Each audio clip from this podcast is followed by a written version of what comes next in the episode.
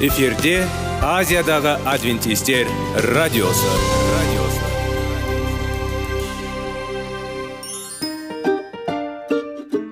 сәлем достар. Денсаулық өмір бұлағы және біздің бірінші байлығымыз демекші денсаулық сағаты рубрикасына қош келдіңіздер.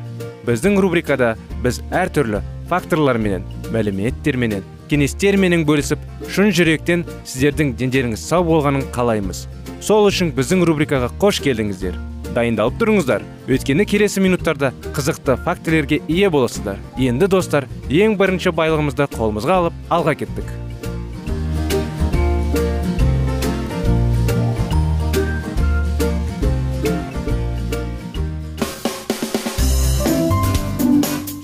Денсаулық туралы хабар. Денсаулықтың ашылуы. Күн сайын сөз үшін күшті кеңестер соңғы жаңалықтар қызықты факторлар. Біздің рубрикада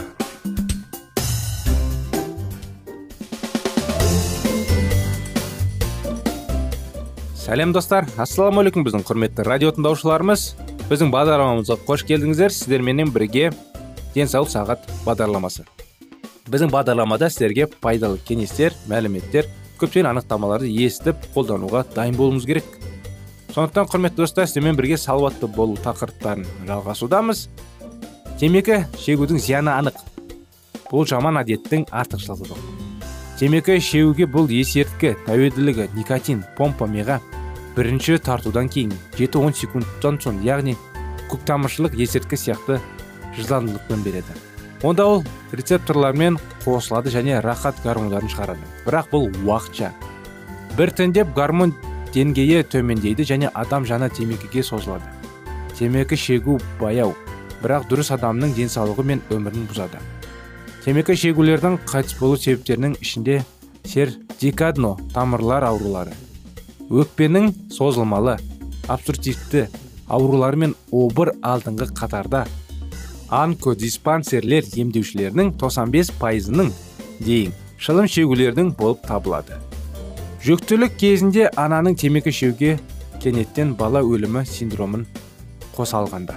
Бала жасандығы көптеген проблемаларға жауапты темекі шегуден де нашақорлықтан ойдан өлтіруден өзіне өзі қол жұмсауды қоса алғанда және бірге алынған жол көлік оқиғаларының көп адамдарда өлтіреді. Ресейде күн сайын 700 адамға дейін темекі тәуелдігіне байланысты аурулардан қайтыс болады. Ресей федерациясының темекі шегетін жасөспірімдерінің саны бойынша қайғылы бірінші орында алады кәмелетке толмағандардың 33 пайызы үнемі түтін шығарады. Олардың жартысынан көбі 35-55 жастағы темекі шегуден. Өне отырып зейнеткерлік табалдырықтан аттамайды. Өткен жылы жүргізілген және жарияланған нескафе нескарте компаниясының зерттеуі орташа статистикалық шылым шегушіге 5 жыл және жеті әрекет қажет екенін анықтады. Темекі шегуден бас тартуға сәтсіз әрекеттер темекі шегулердің депрессивті жағдайға иесіздік сезіммен және үмітсіздікке әкелуі мүмкін. Кез келген темекі шегуінің шегетінін сұраңыз. Ол бұл туралы білмей ме? Біледі. Дегенмен денсаулық ерте өлімнің көптеген проблемаларына қарсы өз қолын сенімді түрде жалғастырып келеді. Ұсыныс темекіні жиі естуге болады. Көптеген отговор. Өйткені өлім тағда алысқа шыдамсыздық шөлдеу темекі көздейді тұрақты. Бұл жерде тұра ма? Мүмкін 20 миллионнан астам адам жыл сайын табысты бірақ темекіні тастайды. Ең бастысы қорқынышты жеңу никотиннен бос болу шешімінің маңыздығының түсіну және алғашқы қадам жасау. Туған туысқандар мен достарына психологиялық қолдау өте қажет. Бүгін бар көптеген бағдарламалар көмек тастау темекіні тастау шегуге мысалы темекі шегуден сәтті бас тарту үшін жеке және топтық ұстағыш ұсынылатын өзін дем ал бағдарламасы. Біздің балаларымыздың да ұмытуға болмайды. Олардың темекіні жоқ деп айтуға құрдастарының өзіне ізіне қарсы тұруға және толқында салауатты өмір сүруге үйрету қажет. Бұл әдеттің беделілік ересектер туралы миф және одан көмек алу көп жағдайда ересектерге олардың қорғағандарға байланысты. Еркін болу тек таза ауамен демалу салауатты және бақытты болу. Бұл алыс қылыш аймағынан емес бұл бүгінгі күннің ақиқат болуы мүмкін. Бұл үшін үлкен ерлік қажет емес никотиннің бір тамшысын жоқ деп айту керек. Темекі бұл дос па? Сіз көлеңке сияқты барлық жерде бар екенін соншалықты таң қалдыратын досыңыз туралы не айтасыз? Сізге сізбен бірге болған сайын қонақты ұнатасыз ба? Сіздің досыңыз сізді мұқият бақылауда ұстайды. Оған қоңырау шалу керек және сіз оған жүгіресіз. Сіз дүкенге кіріп ауа райына қарамастан оның тілектерін орындауға дайынсыз. Егер бұл туралы сіздің әйеліңіз сұраса сіз дау таудардағы болар едіңіз. Барлық сіздің досыңызбен жүз нете дауласпайсыз.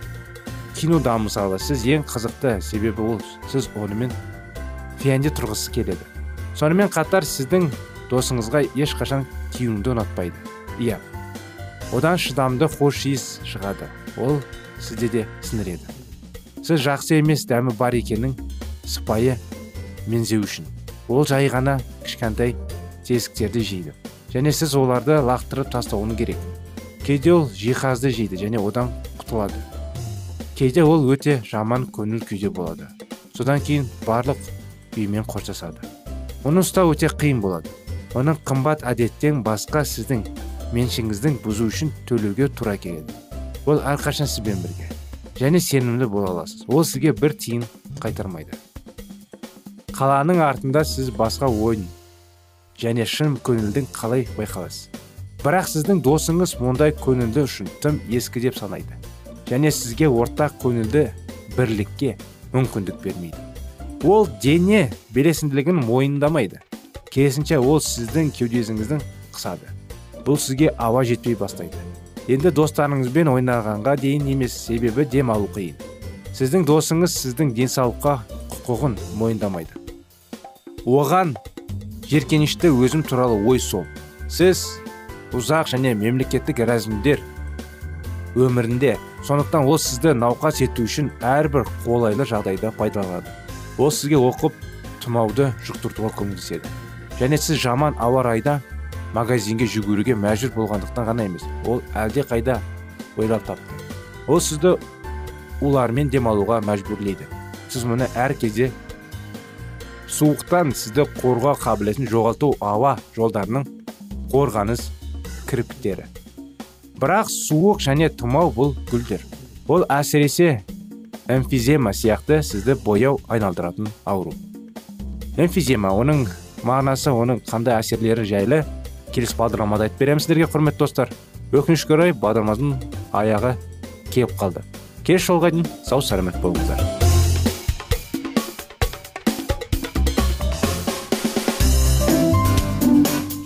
Денсаулық туралы хабар. Денсаулықтың ашылуы. Күн сайын сөз үшін күшті кеңестер соңғы жаңалықтар қызықты факторлар біздің рубрикада.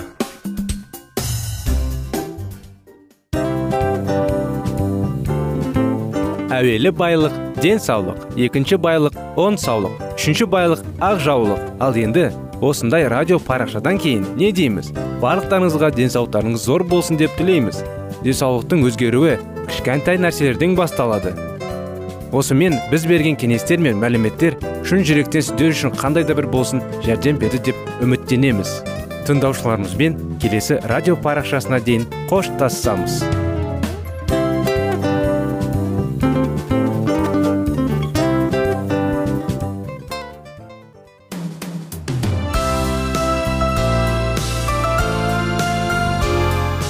эфирде азиядағы адвентистер радиосы.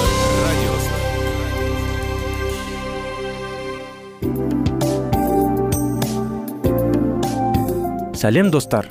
Барлықтарыңызға шын жүректен сөйлесейік рубрикасына қош келдіңіздер деп айтпақшымыз.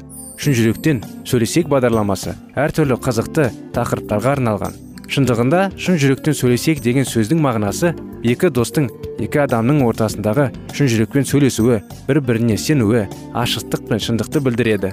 Сол үшін біздің бағдарламалар әртүрлі қызықты тақырыптарға арналған. Дайындалыңыз жаңа қызықты мәліметтерге ие болуға. Ондай болса кеттік.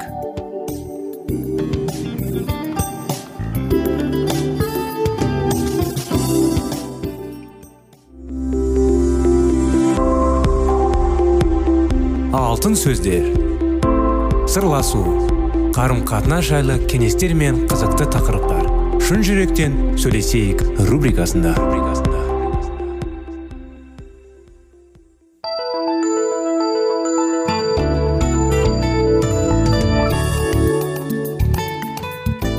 Сәлеметсіздер ме? Армысыздар ассалаумағалейкум біздің құрметті радио тыңдаушыларымыз біздің құрметті достар. Құрметті достар бүгінгі күнде қарым қатынас махаббат және де достық тәрбие оның бәрі кей кезде дұрыс емес. Дұрыс емес қиындау түсініспеушілік көп ұрыс бұрыс көп бала шағалар әрдайым бір бірінен қиналып ата аналарын дұрыстеп тәрбиеленбегеннен махаббат бөлінбегеннен көп өздеріне өздері болады. Сондықтан құрметті достар бүгінгі біздің таңда сіздермен бірге сіздердің назарларыңызға баланың жүрегіне бес қадам тақырыптарын жалғасудамыз. Сондан қалай және не беру керек балаға? Шынында да сыйлық құны көбінесе балаға беймәлім. Ол үшін сыйлық ата аналардың махаббатын білдіреді. Ең бастысы көңіл мен махаббат. Әжелер мен аталар бізге 20 жылдары ұлы депрессия кезінде мәсіхтің туылу мерекесіне ең жақсы сыйлық апельсин немесе жылы шарф болғанын атайды. Бүгінгі күні бірінші қажеттілік заттары киім мектеп керек жарақаттары сыйлықтар ретінде қабылданбайды. Ата аналар балаларды олармен қамтамасыз етуге міндетті деп санайды. Ал біз оларды шын жүректен таңдаймыз. Неге бұл сыйлықтар емес? Егер біз сыйлықты махаббат көрінісі деп есептемейміз онда біздің бала да махаббатты көрмейді. Соңында сыйлықтарды лайықты деп қабылдауға үйренеді. Сыйлыққа тіпті ең қарапайым затты да айналдыра аласыз. Мысалы сурет сабақтарына арналған қарындаштар қорабы. Тек оны әдемі қағазға ораңыз лентамен байлаңыз және дайын. Бүкіл отбасы дастарханға жиналып балаға сыйлық беріңіз. Сыйлықтарды міндетті түрде орау керек сондықтан сіз мереке сезімін жасайсыз. Бала бантты дамыта және оның жүрегін бақытты бөлейді. Ұмытпаңыз сіз оған сыйлықтар сыйлайсыз. Өйткені оны жақсы көремін және бала бұл туралы білу тиіс. Сонда ол кез келген сыйлық сәнді және қарапайым қуанады. Ол оларға махаббат көреді. Ойыншық бөлімдерінде әсіресе сақ болыңыз. Онда нақты даналықты көрсету қажет. Асықпай таңдаңыз. Тауарлардың сансыз саны арасында адасу өте оңай. Бүгінгі күні ата аналардың нағыз жауы жарнама пайда болды. Бала теледидарды көреді. Оның барлық жаңа тілегі бар. Ол сізді тек экранда көрген ойыншықты сатып алуды сұрайды. Ол туралы өмір бойы армандайтынына сендіреді. Бірақ бір минут бұрын оның бар екенін сезбеді. Ал келесі күні ол туралы ұмытпайды. Неге жарнама берушілер балаңызға не ойнауға шешім қабылдайды? Жаңа ойыншықты сатып алу керек пе? Бәрі үшін және қарсы өлшеңіз. Өзінен сұраңыз. Ол менің баламды не үйретеді? Жақсы немесе жаманға ма? Бұл ойыншық маған ұнайды ма? Ол берік пе? Келесі күні бұзылмайды ма? Баланың қызықтары ма? Ол бізге қалта ма? Біздің қалтамыз оған шамамыз жете ма сатып алуға. Егер балаңыз онсыз өте жақсы жұмыс істей алатын болса тың қымбат ойыншықтарды ешқашан сатып алмаңыз. Ойыншық міндетті түрде оқыту керек емес. Ең бастысы ол он зарядқа ең болу керек. Компьютерлік ойындар мен басқа да техникалық жаңалықтарды әсіресе мұқият таңдау керек. Айналасында жаман әсер бар. Ал бұл ойындар баланың шынайы құндылықтарын сіздің отбасыңызда ұстанатын адамгершілік қағидаттарының жиі бас тартады. Ақылсыз сыйлықтар махаббат білдіру жолдарын меңгеру және балаға өз махаббатын білдірудің үйрену оңай емес. Балаға сыйлықтарды сатып алу және оның эмоционалдық қажеттіліктері туралы ұмытпау оңайырақ. Бұл азғыруға болмайды. Көптеген ата аналар баладан бөліну үшін сыйлықтар пайдаланады. Біріншіден біз айтқандай бұл оңай. Екіншіден ата аналарға балаларға шын мәнінде қажет нәрселерді беру үшін уақыт шыдамдылық пен білім жетіспейді. Мұндай ата аналар өз балаларын шын мәнінде жақсы көреді. Бірақ балада сенімділік пен өзін өзі сыйлауды тәрбиелеудің қаншалықты маңызды екенін түсінбейді. Біздің қоғамымызда бәрі мәңгілік асығады. Онда жұмыс істейтін ата аналар балаларын тек кешкі уақытта ғана көреді. Көп уақыт бойы бала өзін өзі ұсынады. Өз кінәсін толтыру үшін ата аналар оны сыйлықтарға бөлейді. Олар сыйлықтар балаға олардың қатысуын алмастыра алады деп санайды. Әсіресе жиі мұндай теріс пайдалану ажырасқаннан кейін орын алады. Бала қорғанышы болып тағайындалған ата анасымен бірге өмір сүреді. Басқа ата ана оны тек демалыс күндері ғана көреді және әр жолы балаға сый сияпат әкелуді өзінің парызы деп санайды. Таң қаларлық емес ол өз сәбиін қағып отбасын сақтап қалмағаны үшін оның алдында кінәсін сезінеді. Алайда егер бұл сыйлықтар өте қымбат болса олардың көмегімен ата ана баланың махаббатын сатып алуға және оны ата ана қорғанышқа қарсы баптауға тырысса бұл пара. Сонымен қатар бұрынғы жұбайына кек алу. Осындай сыйлықтар алатын балалар ата аналардың шынайы ниеттерін түсінеді. Алайда бұрын олар махаббат сыйлықпен ауыстыруға болады деп үйренеді. Олар есеп ауырсу және пайда күмендік болады. Олар білет адамдардың сезімдері мен мінез құлқын айлашырға жасауға болады. Бұл бала үшін ең қайғылы салдаларға келеді. Сьюзен балаларды жалғыз өсіріп бәрін үнемдеуге үйренеді. Ол үшін жыл бұрын ажырасқан. Оның бұрынғы күйеуі чарльз екінші рет үйленіп сән салтанатты тұрды. Балаларға әкемді болу өте ұнанды ол үйде емес. Ақша санаған жоқ. Лиза чарли және энни тиісінше 15, 12 және 10 жыл айна екі рет онымен демалыс өткізді. Әр жолы әкесі олар үшін керемет ойын су ойлап тапты. Олар тау шыңғысымен сырғанап әкелік аяқтады жүзді. Үйге қалай қалғысы келмейді. Өйткені мұндай сағыныш бар. Жексенбі күні кешке балалар қымбат сыйлықтармен оралады. Содан кейін тағы бірнеше күн өз өзіне келе алмады. Мінекей құрметті достар осындай оқиғамен әрине бағдарламамыз аяғына келді. Бірақ бұл оқиғаның жалғасын келесі жолы жалғастырып береміз сіздерге. Міндетті түрде келесі жолға дейін сау болыңыздар.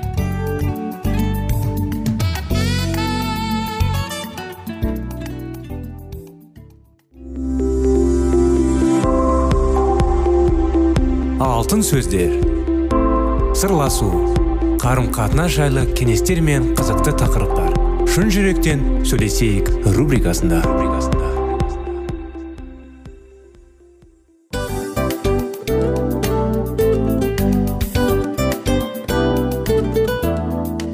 Құрметті достар барлық ең соңғы кеңестер аяқталған соң біздің программамыз соңына келіп қалды. Осы біздің мәліметтер осы рубрикада айтылған әрбір сөздер сіздерге өзінің қандай да бір пайдасын алып келді деп шын жүректен сенеміз. Және бұдан да көптеген рубрикаларымыз бар. Басқа рубрикаларымызда біздің зерттеулерімізде сіздер үшін тағы да қызықты мәліметтер дайын. Біздің шын жүректен сөйлесейік парақшамызда көптеген әдістер ең соңғы кеңестер адамның нравственность жақтан моральдық жақтан тазалап байыта тұрған соңғы кеңестердің барлығын жанарады. Сондықтан алдыңғы күндерде бізбен бірге болыңыздар. Өйткені барлық қызықтар алдыда. Бізбенен бірге болғандарыңызға үлкен рахмет. Келесі кездескенімізше сау сәлемет болыңыздар.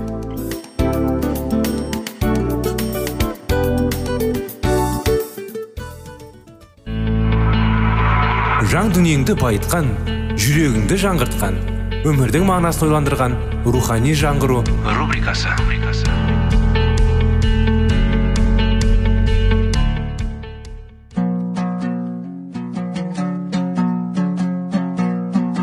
Ассалаумағалейкум біздің тыңдаушыларымыз. Келі кітаптың шындығын ашып берген қысқа бағдарламасына қош келдіңіздер. Барлығынан жоғары жаратушы біздің қарыңғылықта жалғыз қалдырып қойған емес. Өйткені ол келешекте не болу керек екенін киелі кітаптың парақтарында ашып береді. Немесе келіңіздер бізге қосылыңыздар. Жаратушы бізге нен ашып бергенін зерттейміз. Ассалаумағалейкум құрметті біздің достар құрметті радио тыңдаушыларымыз. Біздің рухани жаңғыру бағдарламамызға қош келдіңіздер. Құрметті достар сіздердің назарларыңызға сүйінуді қалай үйрену тақырыбын жалғастырудамыз. Алға кеттік достар. Менің және өзге де көптеген адамдардың басынан өткен бұл жағымсыз тәжірибе менің қатты ойландырды. Осы жерде сол ойларымның кейбірімен бөліскім келеді. Мен өзімнен мұнажатқа қатысты қиындықтарымыз дұрыс сыйынбағандықтан туындамай ма екен деп сұрадым. Мұнажат бұл нәзік және сезімтал құрал. Оны дұрыс пайдалану бұл аса зор және қасиетті өнер. Адам адами өнердің бірде бірі мұнажат өнері үшін жеткіліксіз. Өзге кез келген өнер туа біткен қабілеттерге негізделген мол білімді және көп жағдайда ұзаққа созылатын қымбат білім алуға көп қарақ жарақажатты талап етеді. Құдайға шүкір. Мұнажат өнерімен жағдай басқаша. Ол туа біткен үлкен қабілеттерге де білімге де ақшаға да негізделмеген. Тіпті ең қабілетсіз ең білімсіз ең кедей адамның өзі онымен айналыса алады. Бірақ бұл өнер де өзінің шарттарын қояды. Негізінен шарттар екеу жаттығу және төзімділік. Бұл мұнажаттық өмірлерінде жоғарында айтылған жағымсыз тәжірибені басынан өткерге көпшілігімізге қажетті нәрселер. Олар дұғаның өмірді дамытудың алға шарттары болып табылатын жаттығулардың бірі бөлігі. Менің ойымша бізге осы жағымсыз тәжірибелерге түніле қараудың қажеті жоқ. Біз үшін олардың пайдалы екені күмәнсіз. Бірақ олар шын мәнінде пайдалы бола ма? Бұл бірнеше кезекті. Біз адал күйімізде қалмаймыз ба? Әлде әлсіз мұнажаттық өмірімізді ақтауға тырысамыз ба? Соған байланысты біз өз қабілетімізді мойындай отырып күшіміз жетпейтін міндетті алдында тұрғанымызды мойындауымыз қажет. Мұнажатта өзін судағы балықтай сезіну әр күні қуанышпен құдайға алғыс білдіре және оны мадақтай сүйіну бұл адамның мүмкіндіктері мен күшінен әлде қайда артық нәрсе. Бұл үшін күнделікті құдайдың керемет қажет және бұл керемет біз мұнажаттың рухын алатынымызда бізге мұнажат етуді тек осы рух қана үйрете алады. Жазба және күнделікті сүйінудің әдетке айналғаны арқылы ол бізге өмірдің және мұнажаттың заңдарына жаттығуымызға мүмкіндік береді және осының бәрі бізді шын мәнінде мұнажаттың қажеттінде етеді. Сөз арқылы ол бізге мұнажат кезінде жіберген қателіктерімізді қайта қайта көрсетіп береді. Ол бұлардың мұнажаты біз үшін ауыр ететінін қателіктер екенін көрсетеді. Ол бізге мұнажаттың өз мәнісін ашып береді және оның қалай дұрыс қолдану керектігін үйретеді. Осылайша біз мұнажатқа жатақты береміз. Біз жерде бұл жерде мәселе кез келген басқа жұмыс құралын қолданғандардай оны дұрыс қолданбаған кезде біз қиындықтарға ұрынамыз. Алатын пайдамыз да аз болады. Мысал келтіре кетейік. Өмірінде бірінші рет қолына күрек ұстаған адам оны өз осылай өз білегінше пайдаланып сабын төмен қаратып жұмыс істейді. Осылай бір сағат жұмыс істегеннен кейін оның күрекпен жұмыс істеуі өте қиын екен. Оның бір нәтижеге жол қол жеткізу екі талай деу әбден мүмкін. Әрине біз оған күрекпе қалай дұрыс жұмыс істеу керектігін көрсетеміз ғой. Егер ол күрекпен осылай тағы бір сағат жұмыс істесе онда күрекпен жұмыс істеген қандай оңай еді және оның көмегімен көп біз тыңдауға болады екен деп дейтін анық. Өмірде барлық істің өз сандалықтары бар. Осыларды есепке алған кезде өмір дұрыс бағытта өрбіп мол жеміс әкеледі. Сол секілді мұнажаттық өмірдің де өз заңдары бар. Егер біз осы заңдарды дұрыс түсінбей мұнажатты оның мәні мен тағайындалуының сәйкес пайдаланбайтын болсақ онда бізге ол ауыр әрі жеміссіз болады. Ал егер біз құдайдың өзі мұнажаттың негізіне қойған заңдарды танып сол бойынша жүретін болсақ онда біздің мұнажаттық өміріміз жақсы және дұрыс болады. Ол бізге өз көзігіне мұнажат етуге жаңа құлшыныс беретін жемістер әкеледі. Мұнажаттың сүйінудің десек те болады көпшілігіміздің жиі жылықтыру оны дұрыс пайдаланбаудан оның пайдалы болуы біздің ұмтылысымызға еш байланысты емес. Бұл жерде мәселе сиынушылардың көбіне тыныс жалығудың себебінде болып тұр. Адамдар менің мұнажатымның қолынан не келеді? Мұнажаттың ішкі өміріңде де сыртқы өміріңде де ешқандай өзгерістер орын алмайды. Жазбадан мен мұнажатсыз мәсіхші болудың мүмкін емес екенін білемін. Сондықтан сүйінудің жалғызтыра біруге тиіспін. Бірақ мен мұнажаттың қандай да бір әрекетін мүлде сезінбеймін деді. Осы сәтте адал сүйінуші мұнажаттың рухы бірге берген сүйінудің қасиетті өнерін үйренетін жағдайға жетті. Осы жерде мен көптеген сүйінушылар жіберген қателіктерді құдай сөзіне сүйеніп келі рух көрсетіп беретін тұстарға тоқтала кеткім келеді. Біз құдайға дұғамызды орындауына көмектесуіміз қажет деп ойлаймыз. Бірақ құдай олай ойламайды. Бізге тек мінәжат ету қажет. Дұғамыздың естілуін және оның орындалуын құдай қамқорлайды. Оған біздің көмегіміз осы үшін қажет емес. Иә мұны білемін деп біреуі. Олай ойлама мінәжатымыз арқылы құдайға өтінішімізді орындауына көмегімізді тигіземіз деген ойдың жүрегіміздің қаншалықты тереңде жатқанына біз сенбейміз бе? Қалай болғанда да біз құдайға оның қалай істеу керекті туралы жақсы ұрыс білдіруге тиіспіз деп санаймыз ғой. Тіпті мұна тапсақ та біздер шамамен былай ойлаймыз. Қымбатты құдай менің сенен сұрайтыным мынау мұның қиын екенін білемін. Бірақ сен мұны былай немесе олай істей аласың. Сонда бір дұрыс болады. Мүмкін біреу маған қарсы шығып жоқ құдаймен сөйлесіп отырған сенушінің ешқайсысы былай ойламайды дейтін болар.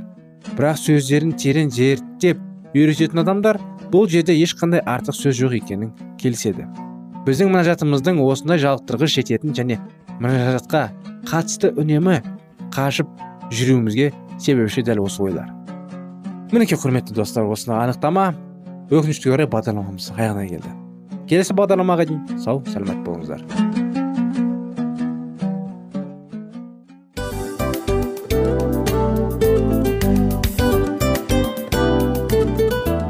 достар біздің радио парақшамыз өзінің соңына келіп те қалды. Демек бұл программамыздың қорытындысын айта кету керек. Негізі істің басталып жатқанын қуанту керек пе? Әлде оның қорытындысы қуанту керек пе? Сіздер қалай ойлайсыздар? Меніңше қорытындысы деп ойлаймын. Себебі жасаған ісінің жемісін көріп қорытынды арқылы бағалап жүрегін қуантады. Баяғыда айтқандай бидайды сепкенде емес бидайдың жемісін жинаған кейін ыстық нанды жегенде кәдімгідей рахаттанасың ғой. Осымен біздің бағдарламамыздың аяғында тыңдаушыларымыз қандай пайда алды екен деген ойдамыз. Егерде өткен сфераларда пайдалы кеңес алған болсаңыз біз өзіміздің мақсатымызға жеткеніміз. Бүгінгі 24 сағаттың алтындай жарты сағатын бізге бөліп ардағаныңыз үшін рахмет. Келесі кездескенімізше қош сау болыңыздар. Достар біздің бағдарлама бойынша сұрақтарыңыз болса әрине сіздерге керекті анықтама керек болса біздің whatsapp нөмірімізге хабарлассаңыздар болады. Плюс бір үш жүз бір жеті жүз алпыс алпыс жетпіс. Иә достар сіздер қателеспедіңіздер бұл біздің номерлерге ұқсас болмаса да бұл whatsapp номер арнайы. Хабарласыңыздар сұрақтарыңызды қойып тұрыңыздар. Анықтаманы алып тұрыңыздар. Плюс бір үш жүз бір жеті жүз алпыс алпыс жетпіс whatsapp номері.